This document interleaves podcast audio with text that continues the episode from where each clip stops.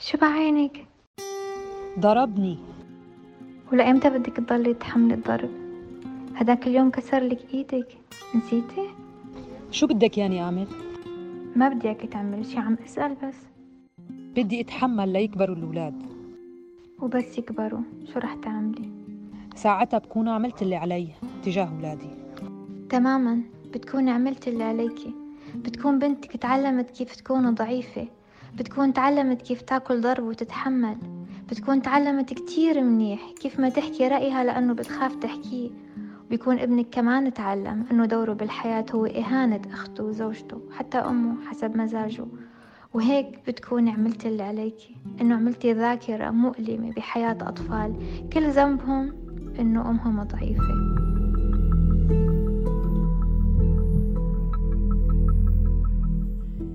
بهالحوار اللي سمعناه سمعنا صوت صديقتي السيدة نجوى حيدر وهي مرشدة اجتماعية تعمل مع مؤسسة رعاية الطفل والشباب ببرلين ألمانيا.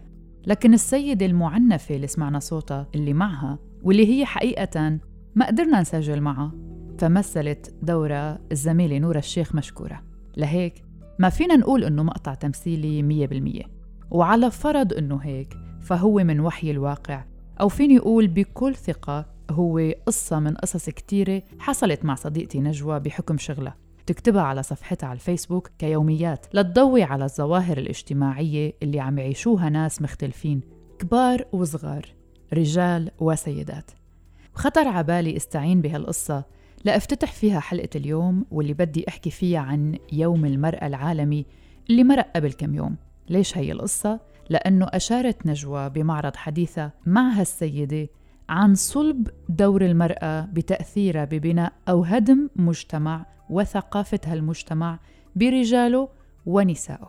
لهيك حبيت أدعم هالكلام بكلام للسيدة إيفانا ورد المعالجة النفسية والمختصة بالصدمة النفسية ومعالجة الاكتئاب والتوتر واللي كمان بحكم عملها قادرة تلتقط هالحالات من يومياتها وتعاملها أيضا مع سيدات بيتعرضوا للظلم وبينقلوا لأبنائهم. دور المرأة هي متعدد الأدوار ولكن تم موضعتها عبر المجتمعات بأنها تكون هي الحارس والقيم على نقل هذه العادات والتقاليد للأجيال الجديدة. فتجد المرأة نفسها ابنة بيئتها يعني عندما تجد نفسها لديها الخبرات المتراكمة من فقدان من خسارة من عزلة نفسية اجتماعية فتتكون لديها هذه الشخصية الإقصائية فتنقلها تنقل هذه القيم تمجد المظلومية والروح الانعزالية والإقصائية والدونية وتنقل هذه الأفكار لأطفالها باللاوعي من خلال العديد من العبارات التي آه، تنقلها من المفاهيم التي تنقلها من المواقف النفسية التي تنقلها للطفل من خلال التنشئة الاجتماعية. وهذه تأتي موقف بموقف وتختلف شدتها وحدتها حسب العمر الزمني للطفل. لها الدور الأكبر حسب بيئتها وحسب المنظومة الفكرية والعقائدية لديها. نعم. فإنها تلعب هذا الدور. نعم. يمكن البعض يختلف معنا بوجهة نظرنا انطلاقا من العادات والتقاليد وحصر دور المرأة بالإنجاب والتربية والأعمال المنزلية. لكني مصرة أقول تعمدت انطلق من هون لأنقلكم معي لمكان تاني. بعد متابعتي لنشاط الفيسبوكيين بيوم المرأة العالمي.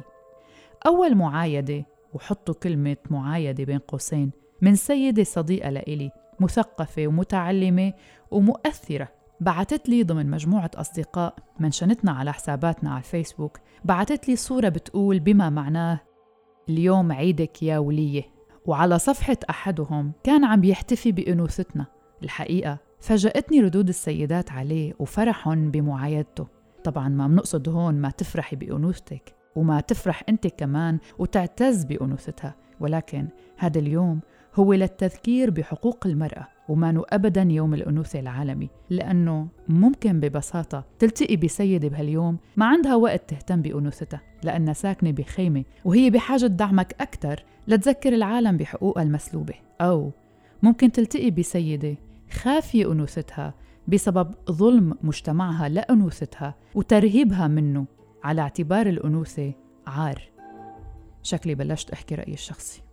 رح نبدأ بالحلقة من شعار هالسنة وهو تحقيق المساواة بين الجنسين بحلول عام 2030 وهو تحقيق المساواة بين الجنسين بحلول العام 2030 وبهدف المشاركة بهالهدف عم نقدم هي الحلقة.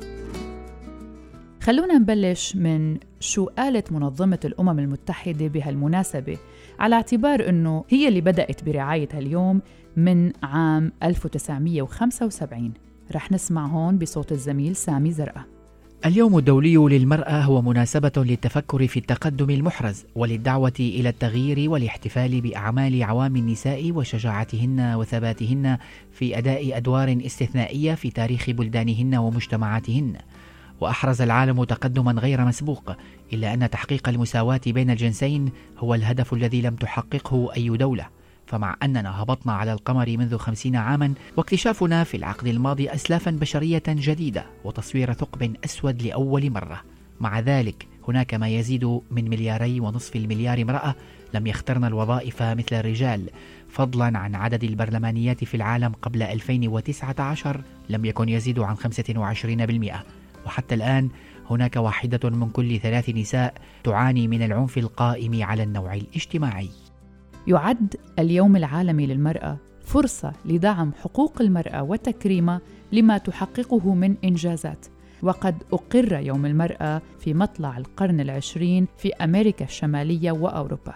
يعود الفضل في الوصول إلى إقرار عالمي رسمي بحقوق النساء للنساء الأمريكيات اللاتي خرجن كتنظيم فاق عدده 1500 امرأة عاملة في قطاع النسيج عام 1907 للمطالبة بحقهن في العمل ضمن بيئة أفضل بالإضافة إلى حقهن في التصويت لصالح أي قرار فيه خدمة لمصلحتهن. وبعدها منحت النساء حق الاقتراع. الاحتفالات كانت مختلفة بتواريخها. وبعام 1921 تم تغيير تاريخ عيد المرأة أو يوم المرأة رسمياً للثامن من آذار من كل سنة. وكان ميثاق الأمم المتحدة الذي تم إقراره عام 1945 أول اتفاق دولي يدعم مبدأ المساواة بين الرجل والمرأة ويؤكده. وهو الأمر الذي نتج عنه مجموعة من الاستراتيجيات والمعايير والأهداف الدولية التي وضعت لغاية تحسين وضع المرأة والنهوض بمكانتها في جميع أنحاء العالم كما شجعت الأمم المتحدة خلال السنوات الماضية على مشاركة المرأة للرجل في تحقيق التنمية المستدامة والأمن واحترام حقوق الإنسان. أما أهمية يوم المرأة فهو مناسبة بيتم الاحتفال من خلالها بالتقدم الحاصل بميدان المساواة بين الجنسين بالإضافة إلى تمكين المرأة والاعتراف بأعمال النساء وإنجازاتهن في المجتمعات ولهيك تعمل المنظمات العالمية بما في ذلك الأمم المتحدة واليونسكو على تعزيز جميع مجالاتها لتحقيق المساواة بين الجنسين. ولأن كمان تشغل النساء 24% من المقاعد البرلمانية في جميع أنحاء العالم. وعلى الرغم من بعض التقدم فيما يخص القضايا المتعلقة بالمساواة بين المرأة والرجل، إلا أن التغيير الحقيقي كان بطيء وكان مؤلم لغالبية النساء والفتيات في العالم، واليوم لا يمكن لبلد واحد أن يدعي أنه حقق المساواة بين الجنسين، كما تبقى العقبات المتعددة بالقانون والثقافة دون تغيير. أضيف لهالشي في تهديد كبير بتراجع المكاسب النسوية اللي تحققت بشق الأنفس. وبعالمنا العربي على وجه الخصوص يتم التطرق لقضايا تسعى المرأة ويسعى الرجل معها لتحقيقها وهي محاربة ظواهر مثل جرائم الشرف وظاهرة تزويج المغتصبة لمغتصبة وظاهرة التحرش اللفظي والجنسي وحتى الإلكتروني. كمان ظاهرة ختان البنات ببعض الدول العربية. 200 مليون فتاة عانت من الختان. في كمان العنف في العلاقات الأسرية وفي المطالبة بحق النساء في توريث الجنسية كمان حق النساء في المشاركة في صنع القرار السياسي. بدي أرجع للسوشيال ميديا ولواحد من البوستات لصديقة تانية كتبت عم بتحارب في مفهوم النسوية وتحصره بأنه فقط المنادات بتحرر المرأة وإنها تتمرد على مجتمعها بغض النظر عن الأدوار المهمة اللي ذكرتها قبل شوي. فحسيت هون إني بدي استغل هالمنبر نعرج على دور النسويين ونعرف مين هنن وشو دورهم بالآخر وأكيد نترك لكم القرار إنه تتفقوا معنا أو لا. النسوية أو بالإنجليزية فيمينيزم وبترجموها البعض حرفيا لأنثوية هي مجموعة مختلفة من النظريات الاجتماعية والحركات السياسية والفلسفات الأخلاقية التي تحركها دوافع متعلقة بقضايا المرأة.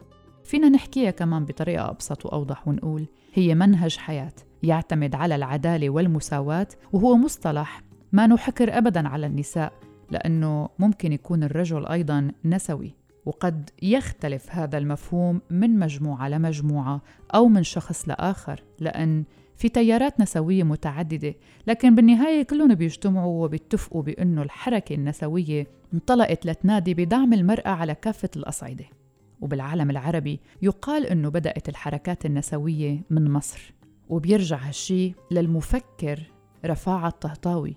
واللي كان أول من تحدث عن المساواة بين المرأة والرجل وحق المرأة في التعلم والعمل وشوي شوي صارت تطلع حركات تحررية بدول عربية مختلفة وعلي سقف المطالب لمطالب سياسية واقتصادية.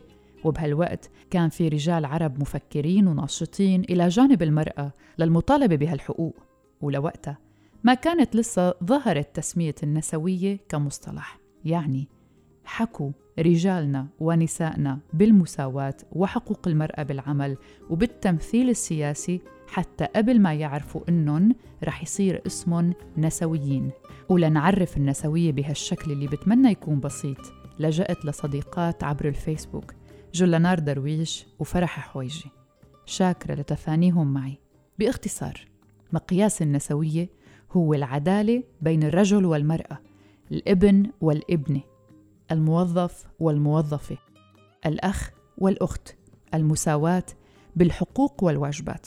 وإذا ظهرت بعض الحركات الناشزة عن هالقاعدة واعتقدت أنها تدعو للتحرر لكن بطريقة فجة أو غير مدروسة لا يعني أنه نوصم النسويات والنسويين كلهم بالعار أو نجفل من وجود حركات تحررية تهدف لاحترامنا كإنسان. هون حبيت كمان أخذ رأي حدا مطلع ليش في عداء للنسويات بالعالم العربي؟ السيدة إيفانا وارد وبحكم اطلاعها عن قرب وتواصلها مع مراجعات بشكل يومي خبرتني. أول عامل بيخلي آلية التعامل مع مفهوم النسوية صعب هو آه، آلية العرض. ثاني شيء المحتوى. عرض مفهوم النسوية هو من خلال عدة منابر أو أسماء صارت معروفة بالسوشيال ميديا وبعدة محلات اللي هي بتتبع أسلوب الصدمة.